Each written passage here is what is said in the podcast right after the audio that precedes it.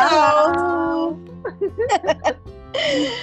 Hai Sobat Nanas, kita kembali lagi di sini di The Pineapple Dance. Sekarang kita kedatangan tamunya yang mungkin udah banyak yang tahu sih orang ini. Tapi Mungkin. kita mungkin Mungkin. dia nggak beda loh. Di Mungkin juga kalangan tahu karena dia muncul di episode 1 season 5. Ya kan? ah ya kemarin yang tentang uh, Unfortunate event. events. Oke. Ah, mungkin. Tapi supaya lebih pasti, nggak mungkin mungkin terus kita eh, minta tamunya perkenalkan diri dulu aja deh. Silakan. Halo gitu kan bener kan Yeay! Dia sudah sah menjadi sonas, sobat nanas.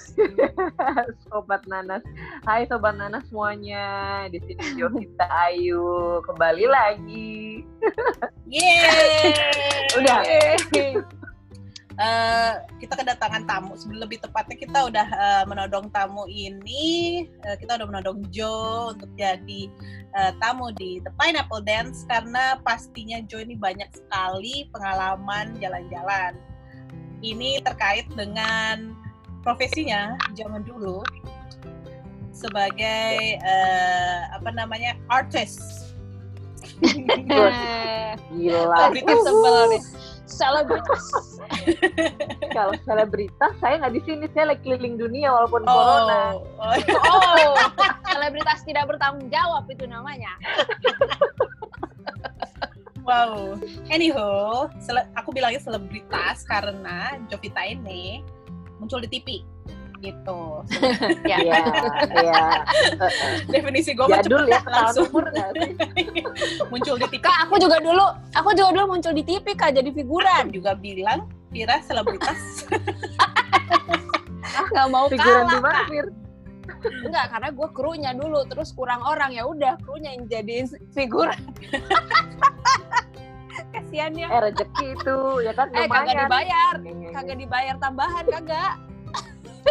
Demi Aku tahu lu profesi. yang di belakang reporter ya, Ah, yang dada-dada dada-dada. gitu. yang dada-dada ya, Yang ceritanya ceritanya jadi warga berkerumun. Nah, Iya betul. Nah, si Jovita ini dulu adalah pembawa acara eh, Jejak Petualang. Wih. Masih ada yang Waktu nonton itu- ya sampai hari ini? Ya ada deh. Pasti Kayaknya masih ada lah. ada penggemar-penggemar militan kan ya? TV Nah, tuh apalagi di rumah mati. kan waktu makin banyak. Mm, TV tuh nggak mati, men. Mantap. Nah, jejak petualang ya nama programnya itu waktu itu tuh tahun berapa sih lo jadi hostnya kan hostnya ganti-ganti tuh. Ya. Jadi kalau di sana hostnya itu bisa sekali periode tuh bisa empat, bisa lima gitu. Banyak Oh karena ganti-gantian ya. Ah, ah, ganti-gantian. Banyak cuy dulu seminggu masih tiap weekdays tuh ada kali tayang ya dulu ya. Heeh. Mm-mm, jadi harus banyak cuy kalau nggak modar ya. Oh, tripping gitu tiap hari. Eh, dulu sempat cuma kayaknya seminggu jadi tiga kali deh. Pas zaman gue tuh seminggu Hmm. tiga kali. Gak kuat kak, berat syutingnya. Cuy. kurang. Nah ini coba iya. ini saatnya gue cur curcol tapi udah lama nggak apa-apa lah ya. Eh, nggak apa-apa, boleh boleh, asik. sini tempatnya. Atau harus ini ya, gue pakai nada terapis. Eh, Oh, silakan. aduh, aduh, aduh. Eh, bagaimana perasaan anda? Ya kan? Psikolog gitu. Itu bukan terapis tuh reporter. Iya, gue baru mau bilang. oh my god. Reporter zaman punya sekarang. firasat? Hmm. Apakah anda punya firasat? Gimana rasanya ketika anda jatuh? Sakit kah? Wah. gue harus ceritain tuh gue sakit apa enggak di kamera terus kalau bisa nangis nangis gitu loh kayak pokoknya makin histeris tuh makin bagus dulu tuh Oh, tetap ya, tetap drama ya, tetap harus drama. Karena drama, harus harus drama menjual. justru Atau- itu Terus pakai itu nggak sih? Gue kayaknya zaman lo udah nggak sih. Biasanya jejak petualang emang kayak nggak pernah ada sejarah pakai yang tiba-tiba layarnya hitam putih. Terus biola nih, nih, gitu kan? Oh, Karena terus Terus pakai lagu Everybody Hurts gitu. Heeh, Enggak lah ya. gitu. Oh my god, bukan. Itu kayak beda program deh itu. Beda-beda. Anyway. Anyhow, kembali ke topik. Ya, jadi eh, itu tahun berapa waktu itu ya Jo jadi pembawa acara? Gue sempat 2 tahun di 2013 sampai 15 dulu waktu itu. Kenapa Hmm. bisa nyangkut situ ya? Wah, itu ceritanya panjang. Itu sebenarnya udah jadi mimpi gue dari zaman apa nih kuliah kali ya. Hmm. Oh, emang Dulu, udah kepengen. Biasanya tuh orang eh, orang biasanya ceritanya gini, "Ah, aku tuh waktu itu nggak sengaja, aku cuma nganterin temanku casting, eh nggak taunya aku yang dipilih." Gitu. Kan artis ceritanya Aduh, sering kayak gitu. enak juga ya. Mm-mm. Antara Biar itu sama nggak pengen-pengen amat. eh, antara itu sama eh, dulu saya ditawarkan Oh. pekerjaan di ibu kota ya gitu. Tutup matanya gitu ya. Coba coba. Gimana gimana gue disamarin dulu coba. Nah, iya dulu tuh kuliah ya siapa sih dulu anak-anak apa ya nggak nggak semuanya sih cuma yang demen banget sama petualangan tuh pasti pasti nontonnya acara itu gitu loh. Kayak cuma Ya, ya. kayaknya saingannya cuma ya siapa ya dulu kayaknya belum ada saingannya kan.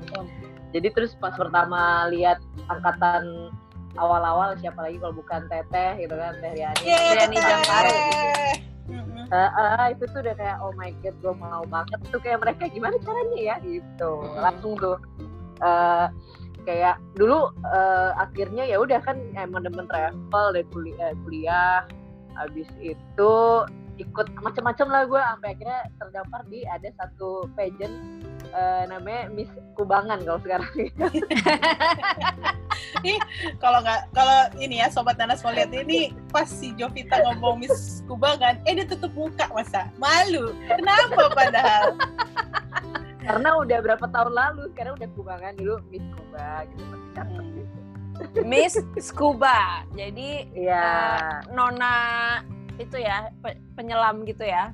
Iya, jadi promosiin inilah eh, scuba diving lah zaman itu. Heeh. Eh, eh, terus kan bisa dibilang tuh membuka jalan gua untuk di dunia ya hosting, lebih jadi lebih pede tau kan rasanya kayak Mm-mm. uh udah gue udah pakai bikini di atas panggung gitu gue bisa kan ke semuanya. Oh, iya iya iya iya, benar benar benar. Heeh, untung gua nggak di itu nggak diapain sama satu oknum itu kan nggak di protes. Eh, Nggak terus dituntut. tutup matanya terus eh, maksud saya ikut eh, pageant ini dijanjikan karir yang cemerlang. Ternyata Karena kebutuhan keluarga. hancur. Iya, Terus? nah dari situ eh, kan zaman itu 2012 habis itu ya udah habis itu memberanikan untuk casting gitu kan udah ya ibaratnya gue udah bawa portfolio terus juga nunjukin gue eh, udah travel semua apa minat travel segala macam dites terus ya udah keterima wah pas dapet tuh kayak rasanya kayak what gitu kayak dapet gitu kayak Hmm. seneng banget lah cuma jangan sedih apa eh, kan itu udah mimpi gue dari dulu cuma bonyok gue sempet kayak yang apa ya kayak meragukan gitu "Ini lu yakin gitu Kenapa? ya kan ya mungkin karena gue anak cewek pertama gitu kali ya terus kayak "Ah, cewek masa naik gunung ay gitu gitulah kayak aduh enggak Oh, deh ngapain sih lu gitu Hitam gitu ya. Nanti susah jodohnya kalau begitu-begitu terus. Nah wah itu urusan item ya tiap gue pulang Mm. trip tuh gue pasti disuruh luluran terus harus cuy dulu kan buset deh ya kan Hmm. itemnya wuh seru deh jadi tapi ya Sobat itu ini coba. Cerita. story yang justru gue kangenin sekarang Cerita disuruh luluran tapi ngomongnya cuy. Itu adalah Jovita. kalau sobat Nanas lihat Instagramnya Jovita sekarang yang adalah Yo, Jovita eh Jovita ya? Eh Jovita ya? Iya, Oh, Jovita yuk. uh, uh. Jovet ya? At Jovita itu Jovita tuh putih banget geng. Putih gitu. Jadi ketika dia ngomong eh, apa dia harus luluran segala macam hiteman tuh kita gua harus ngebayangin kayak dia bisa sehitam apa ya? Gue kayak mencoba nginget-nginget tuh karena Jovita tuh putih Iya. banget. Kayaknya kalau cuma dua jam di matahari eh atau se- lima menit lah matahari tuh kayak udah berubah warna kulitnya gitu kan Kalau gue mikirnya eh, dia bisa seitem itu sampai disuruh luluran berarti ini petualangannya sekeras apa ya? Ya, itu dia juga. tuh. Ada dua kan. Hitam standar hitamnya atau ya sekeras apa di lapangan gitu kan. Eh, eh, eh, eh. Jadi sekeras apa tuh di lapangan, Jo? Ya kalau hubungannya sama tadi bakar ya udah. Ya gimana ya?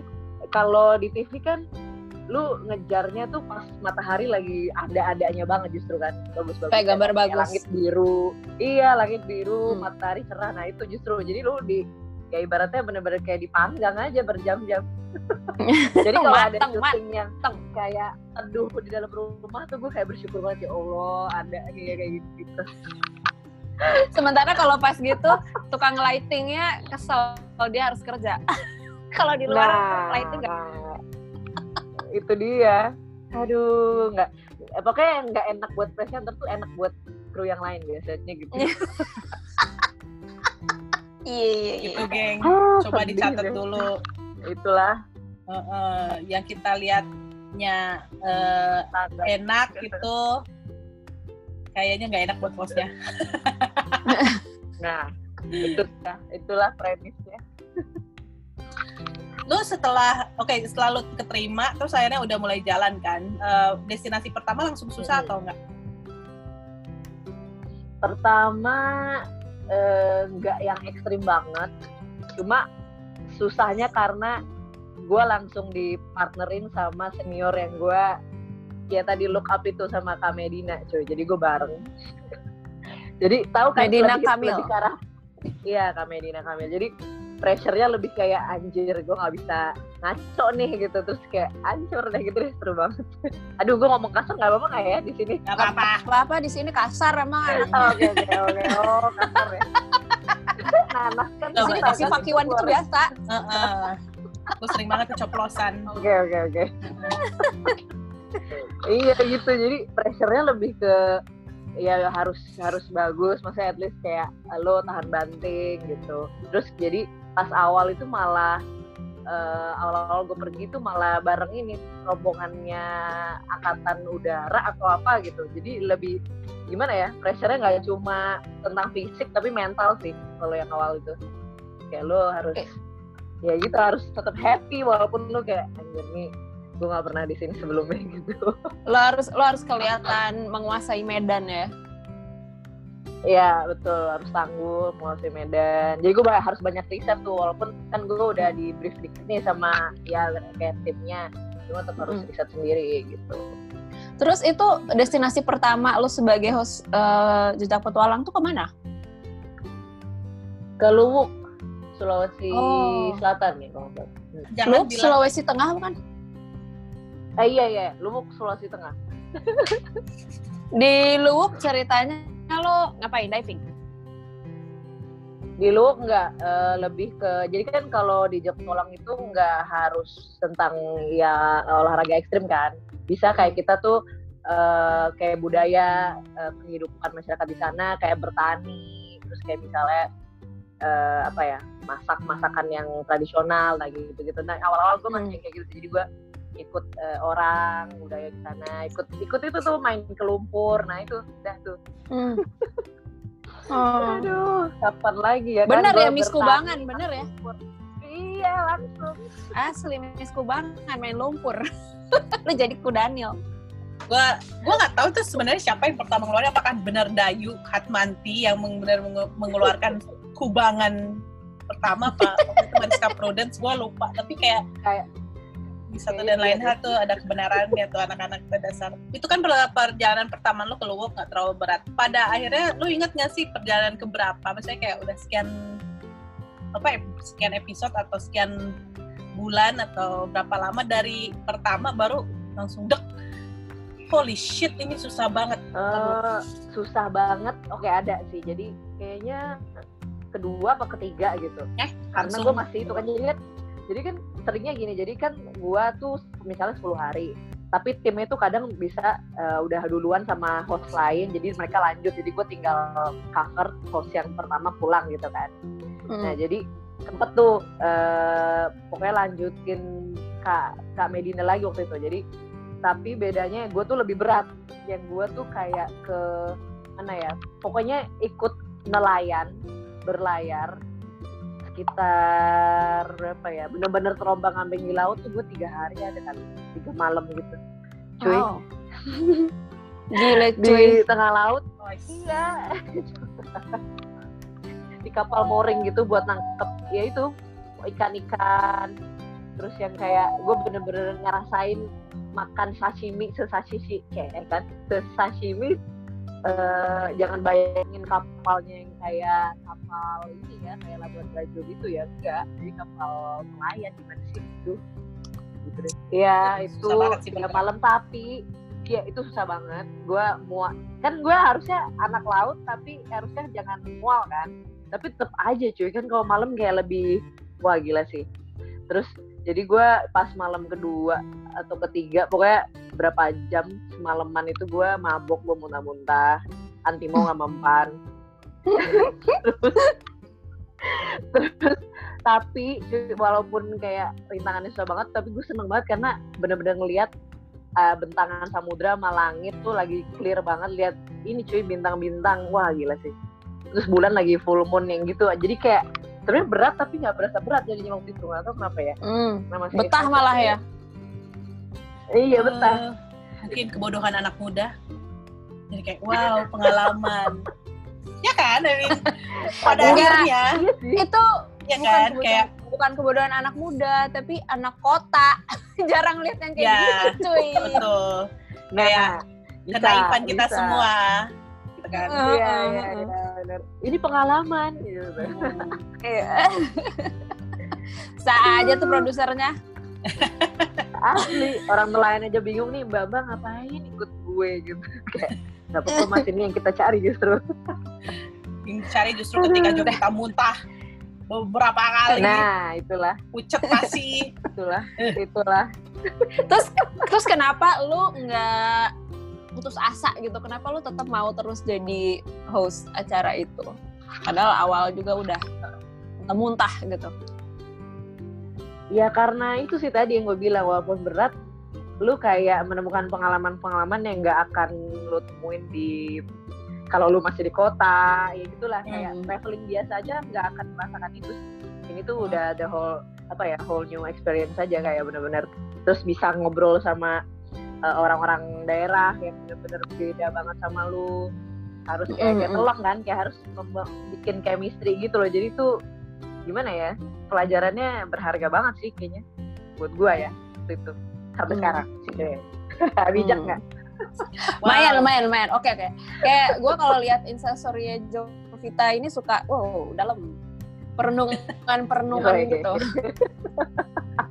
semua orang mau lihat bulan lihat dia gitu-gitu dah gua kalau ngelihat setiap kali ngelihat host TV ya itu kekuatannya TV sebenarnya punya resource punya punya budget untuk melakukan hal-hal kayak gitu dan gua se- sebagai apa ya penonton generasi pertama jejak petualang juga gitu ngelihat Riani ketika itu kayak wow ak- aksesnya luar biasa gitu dan uh, pengalamannya juga bener. aneh-aneh bet ya gitu iya Setelah- kan nggak Heeh. mungkin lah kalau kita traveling sendiri ke tempat-tempat itu tuh, tuh kayak agak susah susah banget Hmm. Nah, setelah lo sekian kali melakukan perjalanan itu, ada nggak sih akhirnya ketika ya udah ke beberapa tempat di Indonesia, ada nggak sih tempat yang kayak akhirnya, eh, wow di Indonesia tuh ada yang kayak gini ya gitu. Ada nggak sih tempat kayak gitu? Berkesan. wah sering sering karena kan jejak petualang itu tempatnya yang aneh-aneh kan nggak pernah Mm-mm. mungkin dia itu kayak nggak pernah terdengar nggak pernah terekspos sebelumnya gitu kan jadi seringnya kalau gue jalan trip pasti merasakan itu. Cuma Hmm. yang paling gue inget eh, mungkin satu daerah ini gue tuh sampai lupa tuh daerah di mana ya. Pokoknya di Sulawesi. Pokoknya yang aneh-aneh tuh kadang di Sulawesi tuh wah gila sih.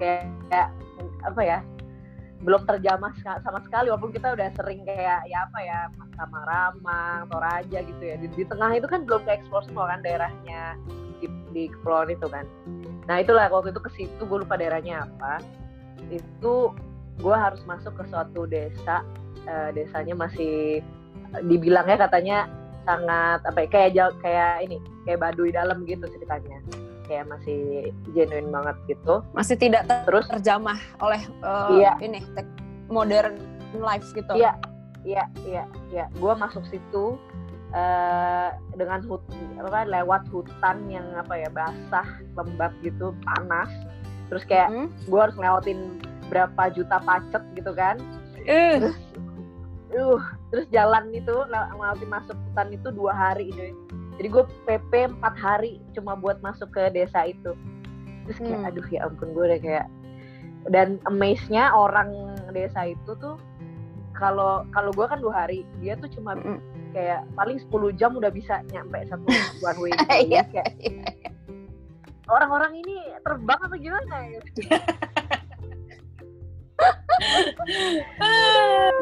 gila sih tapi Itu tapi itu gila banget. teorinya sih katanya sih kita sekarang bilang eh, bukan bilang ya kita tahu cerita-cerita kayak silat zaman dulu kayak orang-orang kan terbang gitu kan tapi ada yang berteori Hmm. bahwa itu karena orang lokal ataupun orang yang biasa tinggal di hutan segala macam jalannya cepet banget gitu.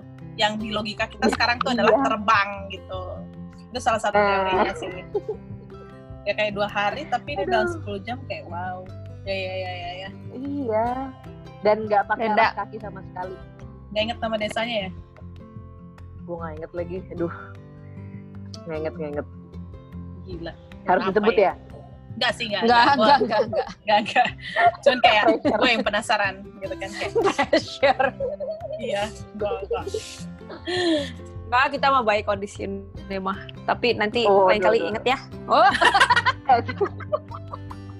ini gini-gini nih senior senior yang gue takutin dulu nih buset. Kayaknya baik tapi menekan. iya tapi menyel- nyelekit gitu Eh, sebenarnya kan kalau misalnya yang kita lihat eh, karir kamu selama 2 tahun itu adalah yang di depan layar.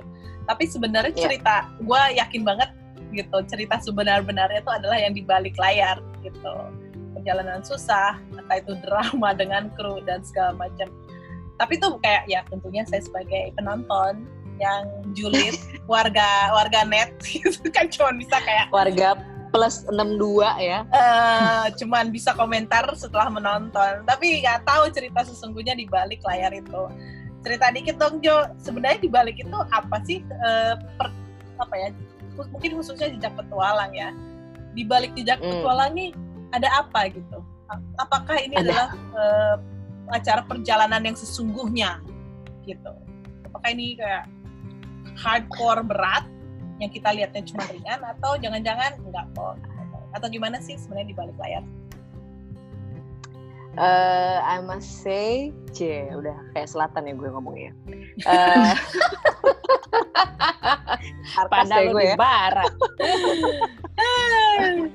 Eh, Iya, sebenarnya ini udah jadi cikal bakal pembuatan konten di masa sekarang juga lah. Udah pengembangan kalau Hmm. ini sekarang ya. Cuma kalau dulu tuh ya tetep lah. Maksudnya eh, ada bumbu drama itu tuh emang emang ada. Maksudnya di di depan TV sama di balik layar. Tapi bumbu drama itu yang unsur-unsur yang lebih ke kemanusiaan. Jadi emang yang kayak eh, menunjukkan kalau memang eh, apa ya ibaratnya menunjukkan somehow ke gap antara di daerah dan di kita orang-orang kota tuh kelihatan banget. Itu emang sengaja ditunjukin sebenarnya di sini gitu kan. Justru itu uh, point adalah aku sebagai host gitu kan.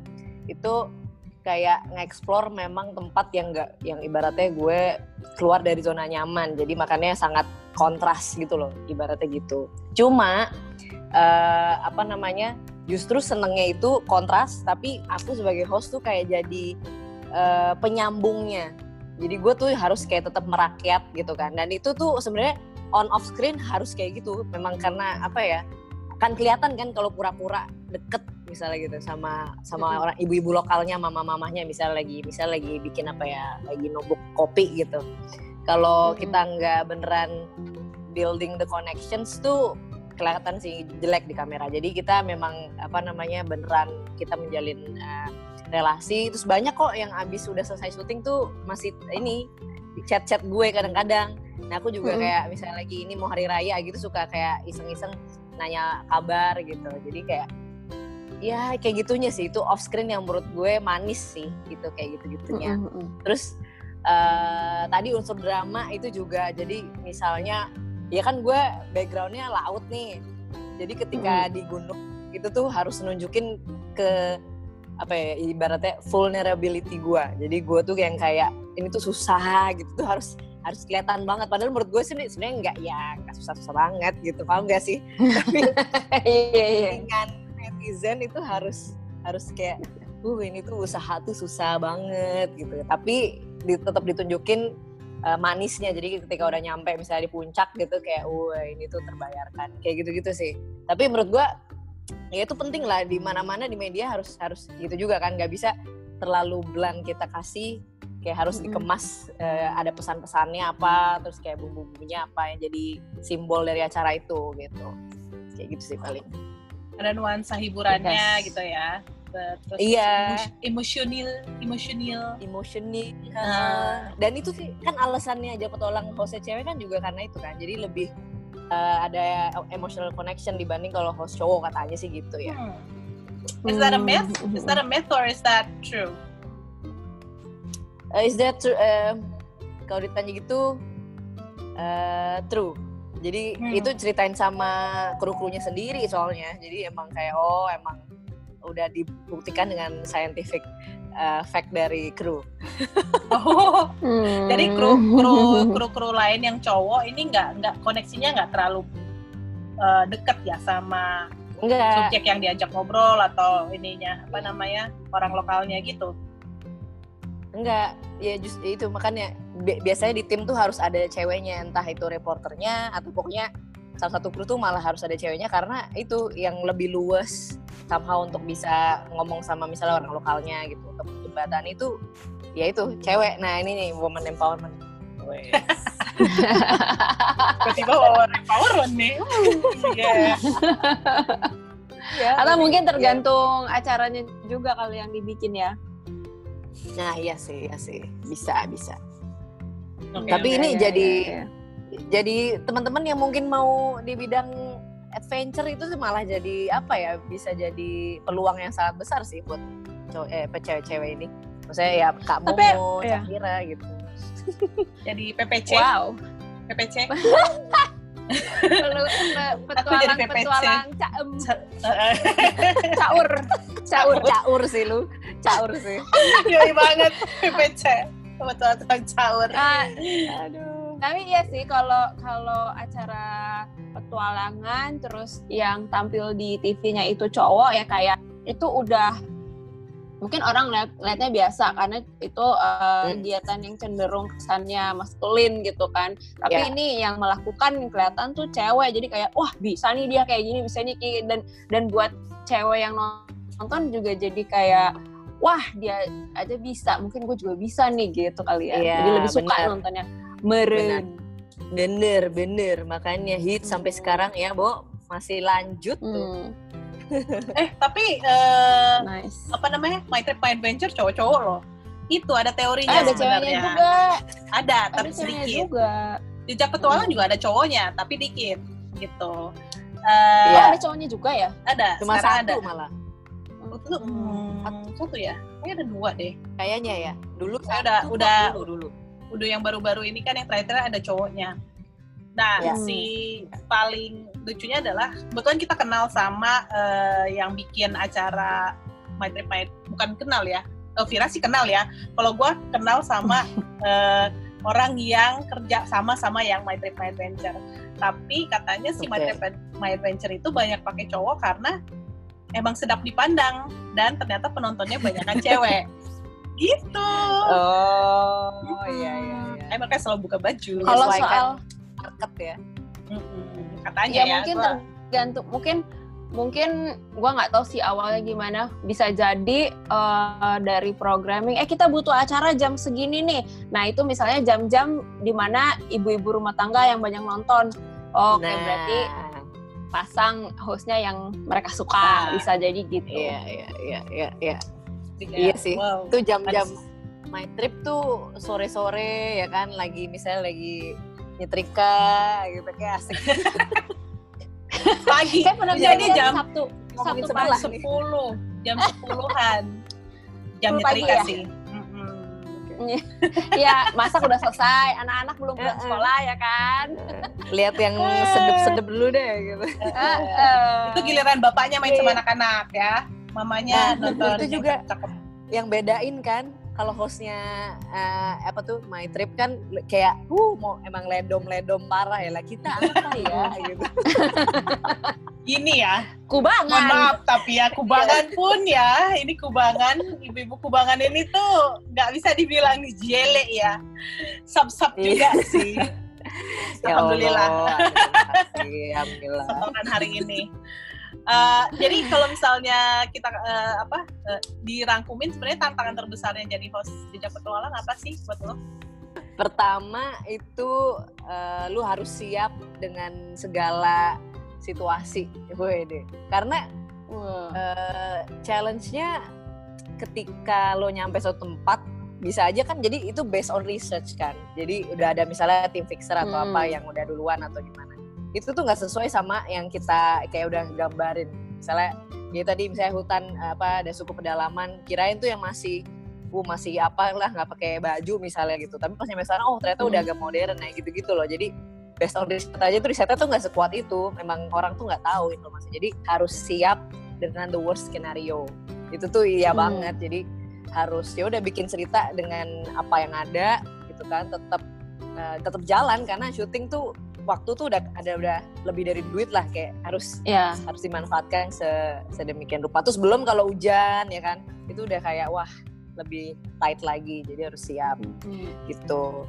Terus kalau yang kedua challenge terbesarnya buat gua itu eh, itu sih memaintain ketika lo lagi misalnya ya cewek kan ya biasa datang bulan nih atau apalah PMS Mm-mm. gitu atau moodnya lagi jelek itu tuh Mm-mm. lu harus tetap bisa membu- em, membuat koneksi sama si tadi narasumber si ibu-ibu atau bapak-bapak itu dan tetap tersenyum di kamera kayak halo halo Padahal dalam hati pengen becek-becek gitu ya, lagi kesel aja, bukan karena orangnya salah.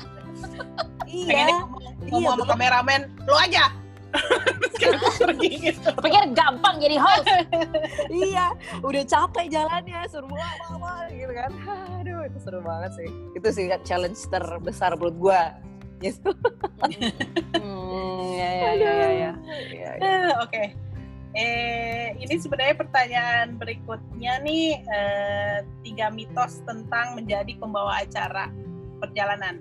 oh Ada nggak sebenarnya? Kalau nggak mesti tiga sih, tapi sebenarnya menurut lo kayak kata orang gini enggak itu salah gitu. Ada nggak sih Hmm. seperti itu?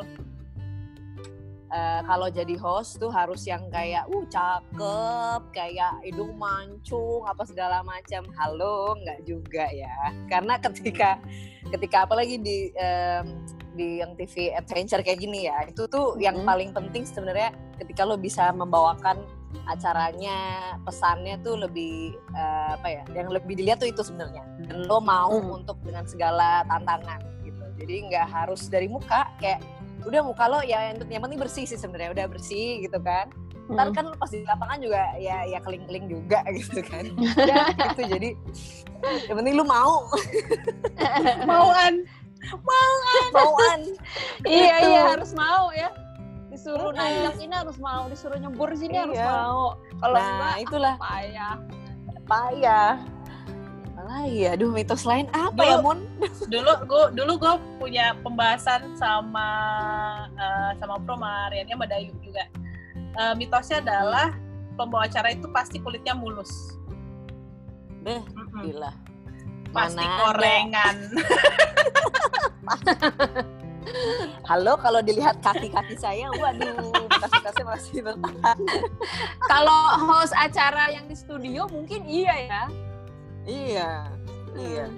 Nggak mungkin sih kalau udah jalan-jalan, aduh, nggak deh, nggak deh, nggak deh. jadi bisa dipastikan kalau kita eh, ini ya kita jajarin semua pembawa acara jejak petualang cewek-cewek nih baru kita lihat kakinya Cek tuh kakinya. wow borat-baret semua Korengan. Ya yang gue pernah dengar juga adalah Medina Kamil tuh punya bekas yang cukup besar itu bekas digigit dugong what fenomenal banget itu itu masih Tapi kayak justru kayak gitu ceritanya membekas. karena ada bekasnya. Nah, kalau lu Iya, bekasnya nyata. nyata. Kalau lu Jo, apa ada nggak bekas fisik yang masih ada sekarang sejak eh, jadi host dulu? Aduh, untungnya enggak sih ya, enggak. Cuma ya- lulurnya ya gitu. berhasil ya. Berhasil, berhasil kok berhasil. gue nama tempatnya. Kasih gue nama tempatnya sama merek yang lu pakai apa. Tuh, enggak kan udah berapa tahun lalu, udah udah kembali pulih. Tadinya sih ya itu kayak misalnya luka-luka beset-beset kan udah pasti kayak misalnya dulu ke ke kebun rotan tuh dulu ya ampun. Lu pernah Oh. ke kebun rotan nggak? Kayaknya gue gue Serem belum pernah. Gue ngebayangin ini serem banget. itu itu tuh tajam-tajam banget loh. Terus ya itu tadi lu harus halo gitu kan. Gue di kebun rotan. Gue masuk kebun salak aja serem men. Mau jatuh nggak bisa pegangan sama Nah, tuhunnya. nah, apalagi Salak itu tiga kalinya. Jadi rotan tuh tiga kali salak kayak bentuknya tuh lebih Uh, Wah, serem, serem, serem. Oke. gitu. Serem serem serem. Eh, katanya kalau apa host jalan-jalan susah punya pacar. Wede. Oh, tidak terbukti. padahal- Padahal gampang Tidak nih. Gampang. Minimal kameramen bisa lah. Hmm. Nah, kan Lu ada nggak sih kejadian kayak kayak fling fling sama krunya gitu karena terdampar, bukan terdampar ya, terisolasi di satu tempat, terus Terisolasi. jadi jadi membangun emosi. bawa gitu. suasana. Mm. Ya, ya, ya. Ya siapa Pernah, sih tapi yang kan- enggak? Ya ilah. Oke. Sama kru yang mana? Kameramen lah itu Ya audio ampun. atau Ya kan seru banget. dua tahun ya lumayan ya berapa kali tuh trip ya. Tapi nggak apa maksudnya kan itu untuk biar lu sebenarnya bisa naikin mood. Kalau itu gue penting ya kayak lu Mm-mm. tetap connect sama kru lu gitu. Tapi ya setelah itu ya udah profesional lagi gitu. Oh justru wajar justru lah profesionalnya sesudah ya. Sus- oh iya maksud sambil dong. Ah, ini pertanyaan tricky nih saya menggali lubang kiri ya kayaknya ya Jeng jeng. Dia jawabnya salah karena agak-agak grogi mengingat masa lalu. Sementara di ruang sebelah ada suaminya. iya aduh hati-hati ntar dia denger lagi aduh Untung pakai earphone nih sebenarnya. ya, ya, ya. ya sudah lah masa muda masa muda itu darah muda Iya. Oke mungkin eh, pertanyaan terakhir dari kami sebenarnya sekarang juga kamu per- eh, kegiatannya masih berhubungan sama perjalanan ya eh, pekerjaannya Masih, gitu. masih banget. Bisa Mm-mm. cerita Ceritain dong ngapain aja sih sekarang? Iya, jadi ceritanya sekarang disuruh menghandle sebuah Bentar, eh, disuruh company disuruh Disuruh. Disuruh. biar ini merendah untuk meroket kan namanya. baik baik baik. Iya, jadi sebuah startup sih bilangnya ya masih kalau bilang company belum lah, masih startup eh, berbasis komunitas. Jadi sebenarnya teman-teman pejalan ini eh, yang suka membuat konten dalam bentuk tulisan. Namanya telusuri, teman-teman ada yang pernah cek telusuri.id? Pernah Nah, dong. Telusuri Itu. RI-nya gede ya. Telusur Iya. Republik Indonesia gitu ya. Telusuri Republik. Bener, bener kak, gitu. Jadi di sana gue coba menghandle eh, dari segi editorial dan bisnisnya dan timnya. Jadi ya mengoperasi semua lah. Hmm. Ditelusuri Tuh. lagi sibuk apa nih ceritanya dalam Nah. dalam masa covid seperti ini. Nah, telusuri sebenarnya kan core-nya ada beberapa, cuma yang utama tuh sebenarnya namanya sekolah telusuri kak. Jadi sekolah Hmm. telusuri itu kita tuh pengen nggak cuma teman-teman yang apa ya kayak kita lah di kota besar yang lebih privilege ya kalau orang bilang gitu yang punya akses. Mm-mm. tapi kita pengen berbagi ke yang eh, teman-teman di daerah yang lebih tahu tentang ya gimana sih dia lahir di sana dia pasti tahu lah misalnya di Blitar gitu dia tahu eh, tempat apa yang paling bagus kayak kuliner apa yang paling enak di sana gitu. Dan mereka bisa menuliskannya eh, dalam bentuk eh, konten gitu bisa tulisan foto video gitu. Jadi sekolah telusuri itu basically kita ngajarin teman-teman di daerah ini gitu jadi kita Oh. tadi niatnya tuh ya tahun ini sebelum covid melanda gitu kan kita tuh keliling nih harusnya tahun ini Gue ya. Hmm. ditahan dulu Ya. karena lagi Ya. covid gitu. perlu dimenantikan nih mau co atau mungkin kalau mau yang tertarik lihat konten perjalanan bisa ke telusuri nih Iya, karena bener-bener yang nulis tuh eh, ini lebih berbasis cerita kan, jadi narasi perjalanan kan. Jadi bener-bener personal, teman-teman yang ada di berbagai daerah tuh bener-bener cerita eh, pandangan dia tentang daerahnya dia sendiri. Jadi menarik sih, kayak bener-bener otentik gitu kak. Mm-mm. Jadi ya masih menyambung apa ya ya masih apa passion gue dan juga semoga bisa me- apa ya kontribut lebih besar lah untuk pariwisata Indonesia walaupun di tengah krisis kayak gini ya nggak sih kita harus kayak, kayak harus saling bahu membahu gitu loh karena yang berasa tuh benar-benar semua lini kayaknya sekarang tuh Mm, mm, mm. Dan dunia pariwisata salah satu yang kehantam keras banget ya. Mm-mm, parah sih parah kalau ngobrol sama teman-teman di daerah tuh ya mau gimana ya akhirnya mereka beralih ke apa industri lain gitu loh untuk bisa survive Mm-mm. ya mau gimana susah juga tapi itu sih makanya peran telusuri di sini kita tetap ngasih apa ya biar encouragement gitu biar tetap kayak nggak apa-apa abis ini tuh kita eh, akan bounce lagi gitu loh ibaratnya.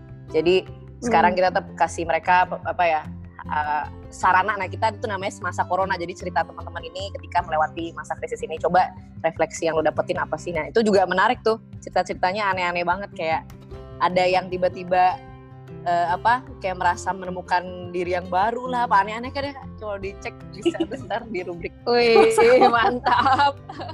kontemplasi. Luf ya. Kontemplasi banget ini ya ampun. Ah, asli asli. Aduh. Tapi ya nggak sih kayak lu selama pandemi ini malah jadi kayak apa ya kembali ke apa ya kembali ke asal kembali ke diri sendiri. Lebih kayak reflektif gitu loh. Oh enggak sih Hmm, enggak gua. Kita orangnya enggak dalam gitu. apa ya gitu. gue justru Ya. reflektif itu ketika eh, bergerak kalau gue justru ketika bergerak kayak melakukan perjalanan berkegiatan gitu gue pikir banyakkan mikir tuh di situ tapi kalau misalnya kayak gini Oh, apalagi pas banget nih kan kerjaan gue retail ya sekarang sama Simat jadi ini masa gue Oh. jualan banget nih masa THR kan jadi sekarang tuh nggak nggak terlalu malah sibuk-sibuknya ya Heeh, malah sibuk-sibuknya gitu. Jadi refleksi ada ya, ada beberapa lah refleksi kayak oh yang sebenarnya kita ketahuan nih masa gini apa yang sebenarnya menjadi kebutuhan paling penting tuh kerasa gitu. Ketahuan industri yang penting dan tidak penting gitu kan. Eh, apa yang sebenarnya kita Ya. butuhkan dan tidak gitu. Ketahuan gue bisa bertahan tanpa kopi, happy happy gitu. Dan itu eh, gitu kayak gitu itu sih ada ya. Tapi gue sih paling banyak refleksi justru ketika berkegiatan dan melakukan perjalanan justru kayak ketika bergerak gitu. Emang lu jadi reflektif banget Jo? Kayak super kayak mikir gitu jadinya. Lumayan sih. Gue gua soalnya eh, sebenarnya tuh gue tuh introvert kayak da- da- pada dasarnya ya. Tapi udah kayak jadi ambivert sih karena dengan segala pekerjaan gue lah gitu kan. Hmm. jadi ketika ini tuh Hmm. kayak merasa recharge lagi jadi kayak ya gitu tadi kayak malah jadi mikir banyak.